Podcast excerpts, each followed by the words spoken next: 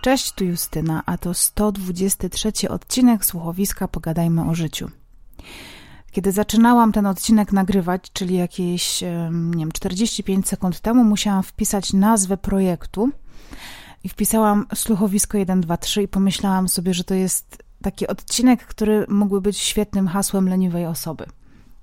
Wiecie, wymyślić sobie coś, co się robi na co dzień i pierwsze trzy cyfry z klawiatury – może od razu się wytłumaczę, dlaczego na kolejny odcinek musieliście czekać aż miesiąc.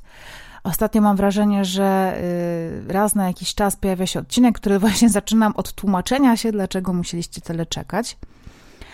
Y, ale jako, że mamy styczeń, a właściwie na szczęście już jego końcówkę, bo przyznam szczerze, że styczeń tego roku to w ogóle była dla mnie jakaś totalna masakra. Y, I doświadczyłam czegoś takiego jak totalny spadek energii, chęci do życia, e, w ogóle takiej wizji mm, planów czy siebie za jakiś czas. Kompletny dół. I teraz używam słowa dół e, celowo, nie mylić go z jakąś depresją, aczkolwiek powiem Wam szczerze, że nawet się obawiałam, bo ten dół utrzymywał się kilka tygodni i już przyznam szczerze, że miałam takie myśli, że chyba muszę iść do pani doktor, bo coś ewidentnie jest nie tak. Nie wiem, czym to było spowodowane. E, też e, takim elementem, który najprawdopodobniej w ogóle odzwierciedlał moje samopoczucie wewnętrzne e, oraz bardzo możliwe, że to po prostu było jakoś skorelowane. Były po prostu straszne syfy na mojej twarzy, które po prostu wyskakiwały mi codziennie i były takie hardkorowe bąble. Przepraszam, jeśli ktoś teraz na przykład je śniadanie, ale wiecie, wstajecie zdołowani z łóżka i idziecie do łazienki i nagle nowe, y, nowe wulkany się pojawiają na twarzy. I tak sobie myślisz, okej, okay, czyli po prostu jeszcze gorzej i jeszcze gorzej. Ale na szczęście na mapie stycznia były też bardzo pozytywne momenty.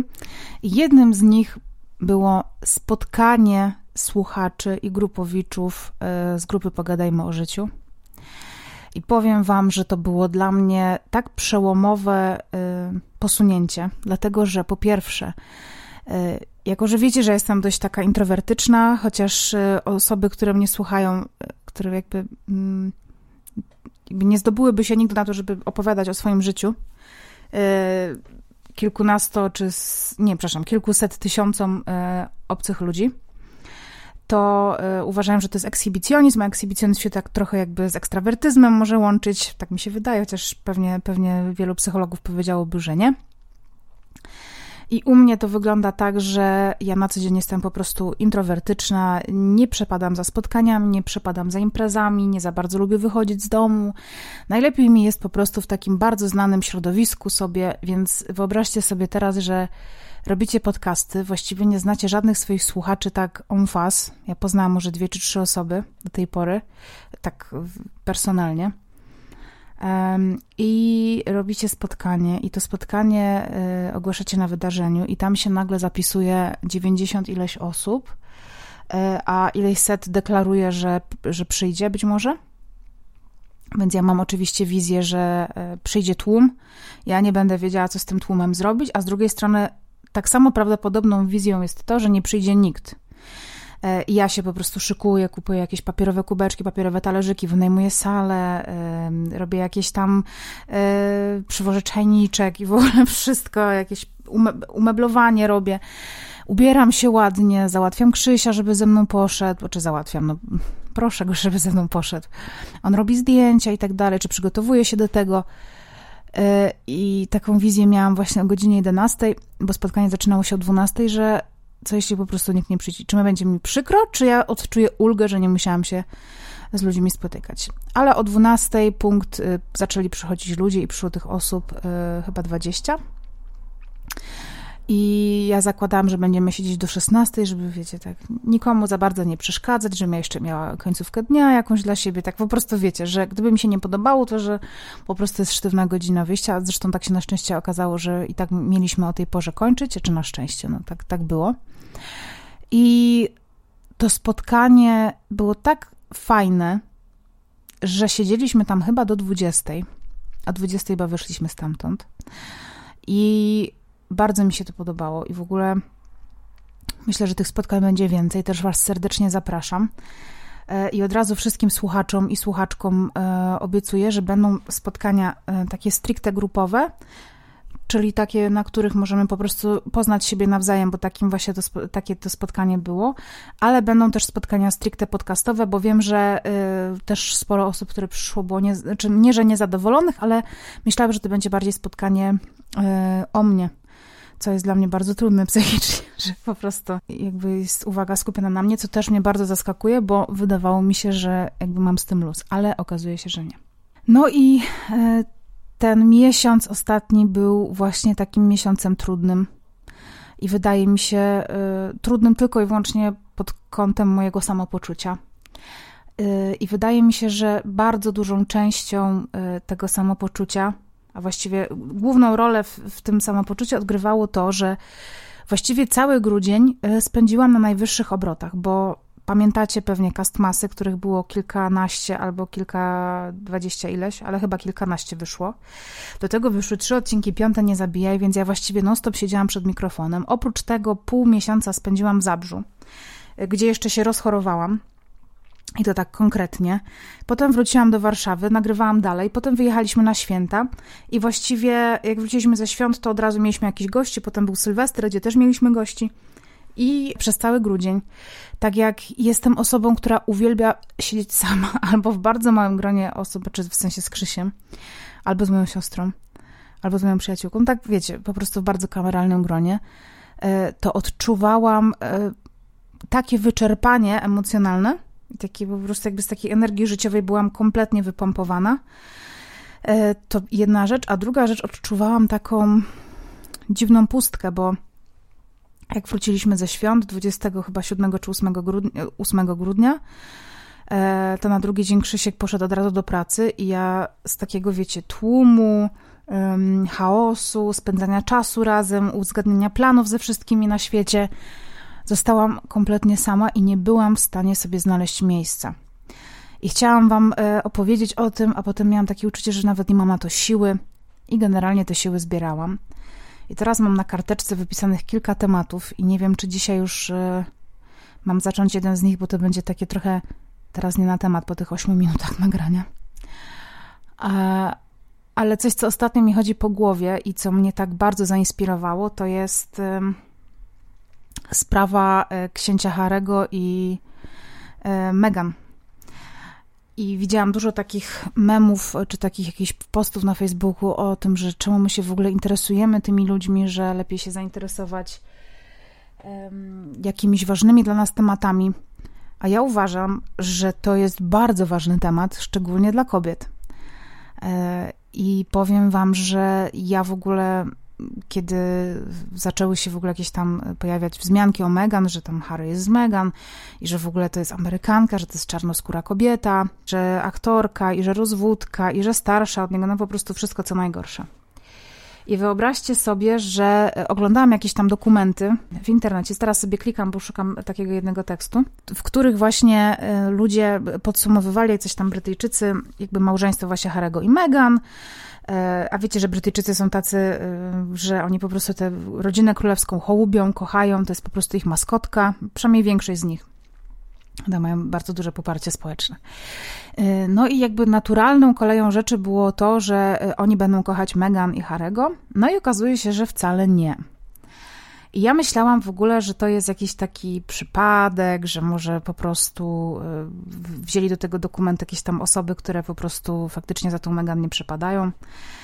E, I była tam taka kobieta, która, kurde, nie pamiętam, czy ona się zajmowała. W każdym razie była dziennikarką, która od lat opisywała życie rodziny królewskiej i ona po prostu mówiła o Megan do kamery, e, podpisując się imieniem i nazwiskiem z podpisem dziennikarka mówiła o Megan tak okropne rzeczy, że jest po prostu okropna, ohydna, że jest fatalna, że po prostu powinna z tej rodziny odejść jak najszybciej i, i po prostu to mnie tak wtedy uderzyło. Tak jak rodzina królewska była mi zawsze mocno obojętna, tak wtedy zwróciłam na to uwagę, że od razu sobie pomyślałam, kurde, co tam Megan musi takiego robić, że takiej wszyscy nie znoszą. Potem zaczęły się jakieś tam plotki, że E, cała jej jakby obsługa, to taka świta odchodzi. Jakieś tam jej menadżerki odeszły, jak, czy nie menadżerki, tylko takie e, asystentki odeszły, jakaś tam służba najbliższa.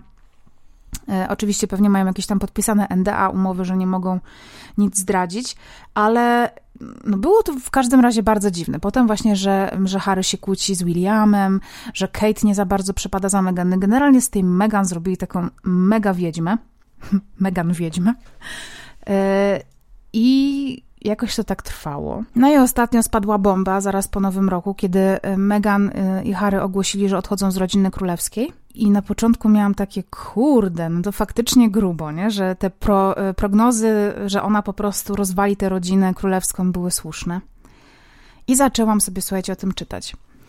I kilka dni temu, chyba 13, no nie chyba, tylko na pewno 13 stycznia, BuzzFeed opublikował taki e, artykuł, w którym porównali nagłówki prasy właśnie brytyjskiej na temat e, Kate Middleton, czy księżnej Kate i e, właśnie księżnej Meghan. Na ten dosłownie sam temat, czyli na przykład dotyczący jej ciąż, czy ich ciąż, e, jakichś tam zwyczajów żywieniowych, no wiecie, wszystkie pierdoły, które można wyczytać w prasie e, takiej tabloidowej. I porównali nagłówki. I na przykład pierwsze, co się rzuca w oczy, to w 2018 roku Kate była w ciąży tam z trzecim dzieckiem i są zdjęcia, kiedy ona chodzi, trzyma się za brzuszek i nagłówek mniej więcej mówi, że to już niedługo i e, ciężarna księżna Kate z czułością trzyma się za brzuszek, wyczekując swojego tam trzeciego potomka i z godnością spełniając tam jakieś królewskie obowiązki. Natomiast potem jest zestawienie tej samej jakby prasy, bo to jest Daily Mail. Rok później, nawet niecały rok później, są zdjęcia Megan, która trzyma się za brzuch. I e, nagłówek już mówi o tym, dlaczego Meghan Markle cały czas trzyma e, ręce na brzuchu, dlaczego nie może ich z tego brzucha zdjąć.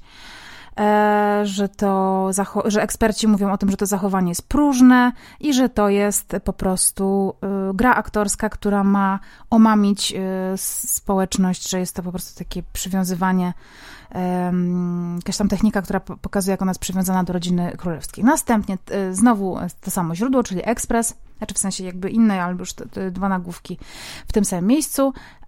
I tutaj awokado, Mianowicie Kate, y, która jest w ciąży, y, je awokado, dlatego że to awokado leczy ją z porannych mdłości. E, I że w ogóle super, że, że tak sobie radzi. Natomiast e, jakiś czas później ukazuje się artykuł o tym, że y, Megan uwielbia awokado a przecież awokado to przede wszystkim olbrzymie plantacje, na których e, zużywa się niesamowicie dużo wody. To są nieekologiczne plantacje, że e, osoby, które pracują na tych plantacjach, wobec nich jest stosowana przemoc i że jest to milenialny shame, że, że po prostu wstyd, że je awokado, wiedząc, że takie rzeczy się dzieją. Następnie znowu mamy Daily Mail, który chwali e, księcia Williama i Kate za to, że opatentowali sobie e, swoją markę, wynajęli do tego firmę i firma, tam jakieś firmy zajmują się po prostu e, ochroną ich dóbr osobistych i pewnie jakichś tam mm, brandów. Natomiast Daily Mail znowu news taki tam 6 lat później który ich za to e, potępia, że oni sobie opatentowali ponad 100 rzeczy e, i że ich majątek sięga prawie 400 milionów funtów. Um. I teraz znowu, e, to jest chyba mój ulubiony, Express. Już nie będę wam czytać wszystkich, ale jest tutaj a propos ślubów obu tych par. No i w Expressie jest zdjęcie pary młodej Williama i Kate. Kate trzyma piękny bukiet kwiatów i tytuł artykułu to um, przeczytam wam po angielsku. Why you can always say it with flowers, czyli no, dlaczego zawsze możesz opowiedzieć jakąś historię, wyrazić coś kwiatami, e, ale podczas ślubu już Harego i Meghan, córka Kate i Williama, czyli Charlotte, trzyma piękne kwiaty i nagłówek jest taki, że e, jak um, Kwiaty Meghan Markle, czyli bukiet Meghan Markle, mogły zagrozić życiu księżnej e, czy księżniczki Charlotte. No i generalnie jest tam jeszcze mnóstwo tych tekstów, można sobie naprawdę je poczytać i powiem wam, że to jest po prostu niebywałe, niebywałe. Na przykład kwestia chrztu, e, kiedy właśnie e, Kate i William chcieli ten chrzest uczynić bardziej prywatną uroczystością, to oczywiście prasa wszystko jakby to e, opisywała w bardzo taki dobry sposób, że to jest bardzo dobry zwyczaj. Natomiast, natomiast kiedy właśnie chodziło o chrzest dziecka, Megan i Harego, no to nagle po prostu była to sprawa wagi narodowej, że co to ma znaczyć, że przecież to jest ich, to jest ich psi obowiązek, żeby ten chrzest był publiczny. I tak dalej, i tak dalej. I szczerze powiedziawszy, ja się absolutnie nie dziwię, że ci ludzie odeszli z rodziny królewskiej i to w ogóle, ile to trzeba było mieć jaj, żeby to zrobić. Um, też gdzieś czytałam taki mega fajny komentarz na ten temat, że y, Haremu już przecież kiedyś hejt i właściwie ludzie, którzy totalnie się uczepili e, życia prywatnego jego matki, po prostu e, ta matkę mu odebrały, no bo księżna Diana zginęła przecież w pościgu e, z paparazzi, w sensie ona uciekała przed paparazzi i zginęła w tunelu w, w Paryżu i, i po prostu w ogóle tego no nie wiem, ja uważam, że oni się po prostu zachowali zarąbiście. Jest to tak świetny i mocny prokobiecy przekaz, z jednej strony oczywiście wiem, że można to postrzegać w ten sposób, że ona wiedziała, na co się pisze wchodząc do rodziny królewskiej, że wiedziała, że musi grać według jakichś stricte określonych ról i pewnie zachowań, etykieta i tak dalej, i tak dalej. Na pewno podpisała miliard różnych umów i to wszystko rozumiem, ale z drugiej strony myślę, że hejt, który ją dopadł jest absolutnie w ogóle, no myślę, że to był nie do przewidzenia na pewno jakaś część tego hejtu, owszem, no bo zawsze, jeżeli jesteś osobą publiczną, to się z tym spotykasz, ale nawet jeżeli go otrzymujesz od, y, tutaj teraz zaznaczam paluszkami cudzysłów, y, dziennikarzy czy jakichś ekspertów, no to jest prawie lincz na osobie. Y, I bardzo też podziwiam Harego, który wychowany w rodzinie królewskiej, totalnie się tej rodzinie sprzeciwił z taką też godnością i i w taki bardzo fajny sposób. To nie był moim zdaniem skandal w ogóle, tylko oni po prostu pokazali, że warto wybrać swoją drogę, nawet jeżeli wszystko dookoła wydaje się e, niemożliwe, w sensie, no, to się trochę wydaje, że się skazanym na tą monarchię, nie? Na, na tę rodzinę królewską. Oni pokazali doskonale, że tak wcale nie jest. E, I wydaje mi się, że jeżeli mam, jako w tym pierwszym podcaście w 2020 roku, wam coś do przekazania, to to, że bierzcie przykład z Harego i Meghan, I w każdej sytuacji, która wydaje wam się bez wyjścia, w której czujecie się zakleszczeni, to popatrzcie sobie na nich. Oczywiście ja wiem, że oni są turbo przywilejowani i odeszli z tej rodziny mając jakieś grube miliardy e, pieniędzy na koncie. Ale pomyślcie sobie, jakimi oni musieli być związani różnymi właśnie umowami, zobowiązaniami, obowiązkami. E, myślę, że myślę, że mogłoby to im być bardzo utrudniane i, i i wszyscy wiemy, co spotyka osoby, które się e, sprzeciwiają królowej i, e, i może być z tym bardzo nieciekawie, a oni po prostu zrobili, co, co chcieli.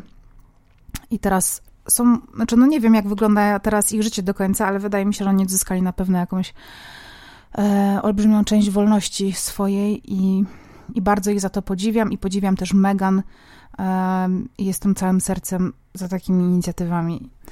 I tego Wam życzę, żebyście właśnie mieli w tym roku taką odwagę do życia, żebyście mieli odwagę do tego, żeby mieć swoje zdanie, e, żebyście słuchali swojego serca i wydaje mi się, że to jest taki przekaz na ten rok ode mnie.